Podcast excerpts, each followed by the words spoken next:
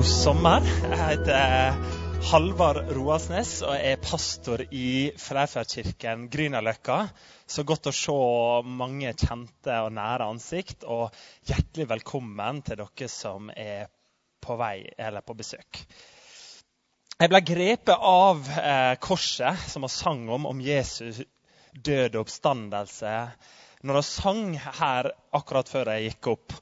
Og jeg tenkte på at Gud, du har virkelig hjulpet meg inn i et nytt liv. Og det er det korset handler om. Korset handler om at Jesus døde for oss, at vi kunne få en ny start. at vi kunne få lov å komme inn i et nytt liv, et nytt og bedre liv, både i dette livet og i det neste livet. Og Derfor handler den kristne troen ikke bare om den nye starten, men om livet fra den startstreken og videre. Og Det er det jeg har lyst til å snakke med deg i dag, om hvordan du kan få lov å praktisere noe av den bibelske visdommen inn i livet ditt, slik at du får lov å ta noen steg videre. Det er sommerferie, og sommerferie gir en mulighet til å stanse opp og evaluere. Jeg vet ikke med deg, men Hverdagen min er ganske hektisk. Og det er ikke sånn at han rekker å stanse opp og se de store linjene. og liksom Hvor er jeg på vei? Hva er det livet mitt handler om nå? Men sommerferien gir en mulighet til å stanse opp. Timothy Keller, en klok pastor fra USA, han snakka om sin rolle som pastor i det vestlige landet var å hjelpe folk til å stanse opp og tenke. I motsetning til andre land som er mindre utvikla, der han var opptatt av å løfte dem, gi dem mer fart, gi dem mot, gi dem håp, så var han opptatt av i New York å hjelpe folk til å stanse opp fordi at de var så raskt på vei et sted. De hadde så masse iver, kom seg så raskt fram til det de sjøl ville. At han ville være opptatt av å hjelpe dem til å stanse opp, slik at de sjøl kunne evaluere hvor var jeg på vei, og hvor vil jeg. Hva er det du vil? Sommerferien gir en mulighet til å stanse opp for å tenke over det. I organisasjonsledelse så snakker vi om at det er bra å ta et steg unna og evaluere virksomheten. At han trenger å komme unna for å se de store linjene. At han ikke er helt inn med det nære, der vi ikke ser helt hva vi holder på med, men vi får et overblikk på hva som skjer. Og Det er det jeg håper at denne talen her skal få lov å hjelpe deg til å gjøre. Å stanse opp og se litt på livet ditt. Og Jeg har lyst til å gi dere en god åndelig grovskive å snakke om det gamle, men dypt kristne prinsippet om at du må gi avkall på noe her og nå for å vinne noe større der framme. Mitt håp er at dere skal få lov å gi deg et sånt positivt skyv til å gjøre noe av de tingene du lengter etter å gjøre. Og at du ved Den hellige ånds hjelp skal få lov å få litt kraft til å ta noen steg videre. Så la dette spørsmålet her kverne gjennom hele prekenen. Hva er det du må gi avkall på her og nå for å vinne noe bedre der framme? Dette prinsippet det sa jeg var gammelt, og det får sin begynnelse allerede jeg begynner helt i de første sidene av Bibelen. Historien om Kain og Abel. Hva er det som skjer? Jo, De begynner å krangle om et offer. Og Allerede helt i begynnelsen så begynner Abel å ofre han gir avkall på noe her og nå og så ofrer han noe til Gud fordi han håper at det, på den måten kan framtiden min bli enda bedre. Og så står det at eh, Kain hadde et dårlig offer. Han la ikke så veldig mye i potten. Mens Abel hadde et godt offer, og så vet vi hvordan det endte. Det endte ikke så veldig bra for Abel, dessverre. Men allerede fra den første sidene så lærer vi om at vi kan gi avkall på noe her og nå for å vinne noe der framme. Dette får sin toppunkt i Jesus' sin undervisning, der Jesus sier at eh, den som vil følge meg, han må fornekte seg sjøl og ta opp sitt kors. Og Så sier han at jeg ønsker du å berge livet ditt og holde fast på det som er her og nå, så vil du miste det. Men dersom du gir slipp på livet ditt, han skal få lov å finne det. Han skal få lov å finne en større belønning der framme. Å følge Jesus det innebærer at han i møte med flere situasjoner i livet må ofre noe her og nå for å vinne noe bedre der framme. Det innebærer at du må ta deg på ansvar. At du må ta valg som ikke bare tjener deg sjøl i øyeblikket, men at du tar valg som er det beste for deg sjøl, for andre og for verden langsiktig. Og En av de bedre illustrasjonene på dette prinsippet som jeg kom på, det var marshmallow-eksperimentet. Jeg kom over dette eksperimentet i en murstein av en bok. Tenke fort og langsomt når jeg var på Bali for to somre siden. Og Boka den var utrolig tunglest og interessant på samme tid. Men takket være at min kone ville ligge på solsenga i seks timer hver dag, så kom jeg meg gjennom den. Og Marshmallow-eksperimentet gikk ut på å teste barns evne til å avstå fra en mindre belønning til fordel for en større belønning i framtida. Barna var i ca. 4-6-årsalderen, og de ble plassert foran et bord der det var en marshmallow eller en kjeks, og så en voksen til stede. Deretter fikk de beskjed om at den voksne personen ville forlate rommet. At de fikk to valgmuligheter. Dersom de klarte å vente med å spise godbiten til den voksne var tilbake, ville de få to i stedet for én. Klarte de enda flere runder, fikk de enda flere. Men hvis de ikke klarte å vente, kunne de ringe bjelle. Da ville den voksne umiddelbart komme og gi dem den ene marshmallowen. Og hva skjedde? Du ser bak her på dette bildet at det, var ikke så lett for denne gutten å vente. Han ser litt på marshmallowen. Skal jeg spise den? Skal jeg ikke spise den? Mm, ja, det frister på en måte. De aller fleste barna klarte å vente til de to minutter hadde gått, og fikk to. Men de færreste klarte å holde ut hele tiden, som var 15 minutter, og dermed få den største belønningen. Forskerne fulgte opp barna som deltok i studien flere år senere. Og det viste seg at denne evnen til å avstå fra noe godt nå til noe bedre der framme, evnen til selvkontroll, ga en utrolig sterk indikasjon på hvem som ville lykkes senere i livet. Professor Kahneman sier i denne boken at denne evnen er en mye større og sterkere indikator på om du, vil lykkes i livet enn f.eks. hvor høy IQ du har. Og Det fantastiske med evnen til selvkontroll det er noe at vi kan få lov å trene opp, det er noe vi kan få lov å kultivere, at vi kan strekke oss i og bli bedre på. Og Visdomslitteraturen i Bibelen den er hele tida løfta dette prinsippet høyt. Hør hva ordspråkene sier. Gå til mauren, du later. Se hva den gjør, og bli vis. Jeg vet ikke med deg, men jeg er av og til blitt fascinert det er ikke ofte jeg gjør det, men stanser på å se på alle disse maurene. Når jeg sitter der nede med vannkanten med maurtue og ser hvordan de jobber, se hvordan de drar med seg ting og bygger en maurtue, hvordan de samler. Det er ganske fascinerende, egentlig. Og Her er det et bilde av en maur som ber et lite blad. Videre så står det den har ingen hærfører, verken oppsynsmann eller hersker. Altså Det er noe Mauren gir fra sin innside. Likevel sørger den for mat om sommeren og samler inn føde om høsten. Hvor lenge vil du ligge, du late? Nå vil du våkne og stå opp. Harde ord på sommerferie, eller? Bare sove litt til, en ørliten blund, legge hendene sammen og hvile en stund. Så kommer fattigdommen over deg som en farende tjuv og nøden som en væpnet mann. Jeg tror Nordmenn sånn generelt sett er vi egentlig ganske flinke på dette med å planlegge litt lenger framme og ha litt sånn selvkontroll. Og det tenker jeg litt med klima. I Norge så er det sånn at hvis du, eh, iallfall før i tiden, eh, mine besteforeldre f.eks. Hvis du ikke sparte på mat og ikke henta en ved og ikke isolerte huset ditt og gjorde forberedelser på vinteren, så er vinteren knallhard og høsten er knallhard. og Hvis ikke du har gjort noen forberedelser, så vil det ta knekken på deg. Da kommer fattigdommen som en farende tjuv og nøden som en væpnet mann. Sånn var livet før. At Hvis ikke du tok hånd om ting og planlegde for en framtid, så vil det ta knekken på deg. Oss kunne ikke leve fra hånd til munn her er kalde nord. Sånn som man kanskje har mulighet til i sør, som denne teksten snakker om. Der det er sol, der det er fint. Og det er kanskje litt sånn som vi har det i Norge i dag. Det er jo så fint, ja, men det ordner seg. og Vi trenger kanskje ikke å legge fra og planlegge for framtida. Vi trenger kanskje ikke å avstå fra godene her og nå, for det skal jo bare ordne seg der framme. Men Bibelen oppmuntrer oss til å ikke tenke sånn. Bibelen oppmuntrer oss nei, til å kunne avstå av og til fra noen gode her, slik at vi kan få lov å vinne en bedre framtid der framme.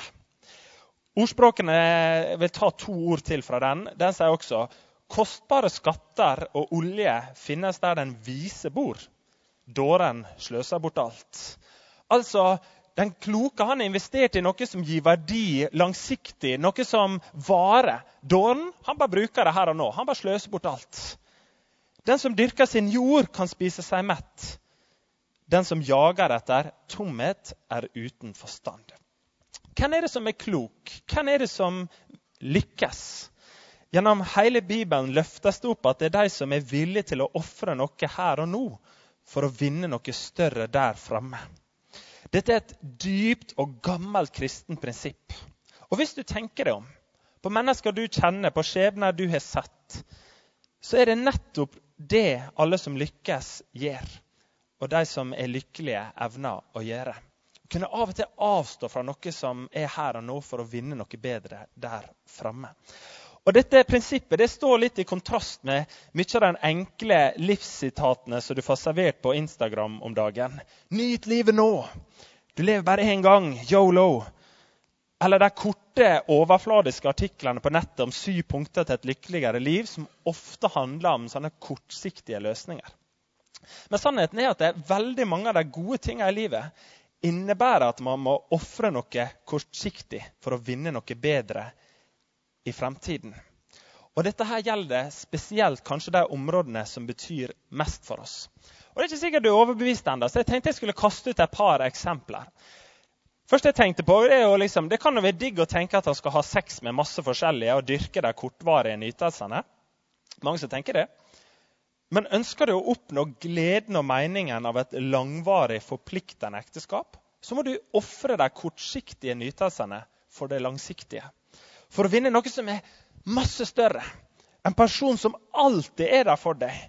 Og noen du kan dele mange flere gleder med. Som barn, i hvert fall for meg, så var det fristende å spise alt godteriet sjøl. I stedet for å dele med noen andre. Men det er neppe en god strategi for å få gode, masse venner. ikke sant? Men ofrer du noe her og nå, ofrer du litt av det godteriet, så kanskje du vinner et vennskap som varer mye lenger. En hva som er trent, vet at det koster litt, at du må ofre komforten der og da, men at vinningen av å trene er mye større. Luksusfellen, som jeg syns er gøy å se på av og til, har vist oss utallige ganger hvor lite verdifullt det er å bruke masse penger på ting som ikke gir noe verdi langsiktig. Bruke masse penger på ting som er her og nå, framfor å investere i ting som varer. Jeg tenker også på sommeren at Det er alltid fristende å dra opp mobilen og sjekke Snapchat eller Instagram Men det er sånne små gleder og avkoblinger. Men ingen av oss som får en god samtale eller får oppleve meningsfullheten av å gå inn i en annen person og lytte til den, eller freden du får av å se på det vakre landskapet. Du må altså ofre noe her og nå av disse små mobilgledene for å vinne noe større og bedre. Skal du bygge langvarige og gode relasjoner, så innebærer det at du kanskje må gå glipp av noe som var enda gøyere et par kvelder. Hvis du sprer deg tynt, så vil du fort ende opp med å ha masse bekjente, men få venner. Ekte vennskap innebærer at han må si nei til noe og noen for å si ja til noe bedre, ja, kanskje av og til noe kjedeligere, men mye mer solid, gode vennskap. Som vi ser, så er det slik at mange av de gode tingene i livet så man gir avkall på noe her og nå for å vinne noe større der framme. Og Dette prinsippet gjelder livet generelt, som oss nå har snakka om. Men det er også en, en, del av den bibelske visdommen som man omfavner når man blir en disippel, og som er den andre delen jeg vil snakke om her i formiddag. Og Det begynner med Jesus sjøl, som gir avkall på sin himmelske posisjon og trer inn i vår brutte verden for å vinne noe større, nemlig en relasjon med oss. Og For oss nordmenn som eh, nesten anser Norge som himmelen, så kan vi eh, tenke at eh, det å flytte til et mindre utvikla land det er nesten som en straff i våre øyne. Han må iallfall være temmelig glad i en person dersom han skal vurdere å flytte til et annet sted. Nærmest storm, stormforelska dersom han skal vurdere det. Og Vi kan derfor ha litt sympati med Jesus og forstå at han er virkelig glad i deg. Han må virkelig verdsette deg, siden han var villig til å flytte fra himmelen og ned hit. Faktisk verdsetter han oss så høyt, sier Bibelen, at han var villig til å gå gjennom smerte og lidelse på korset for å, for å kjøpe oss fri fra våre feiltrinn og mangler. Han var villig til å ofre noe her og nå fordi belønningen var så mye større der fremme. Hebreabrevet 12,2 sier for å få den gleden han hadde i vente, holdt han ut på korset. Jesus er vårt eksempel på å gi avkall på noe her og nå for å vinne noe større der framme. Og Det er en sannhet vi kan tenke, ta til til vårt hjerte, at det, det er større for Jesus, det var meg og deg. Men denne sannheten er også selve hjertet av hva det er å bli en disippel. Paulus, en av Jesu disipler, han utdyper dette prinsippet med en idrettsillustrasjon. Og Hvor mange har sett på friidrett i det siste? Jeg har i fulgt med litt mer nå når eh, det er en sånn Ingebrigtsbrødrene-feber. og Da er det liksom hakket mer gøy å se på. Og Paulus han snakker om å ofre noe her og nå for å vinne noe større der framme. Trolig så har han henta eksemplene fra de olympiske lekene han var vitne til når han var i Korint i Hellas.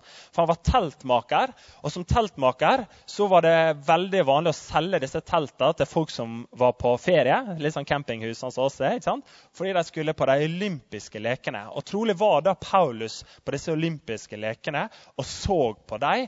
Og der han henta denne inspirasjonen fra den teksten vi snart skal lese.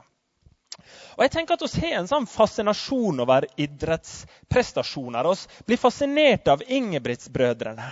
For de er så opptatt av å ha et mål.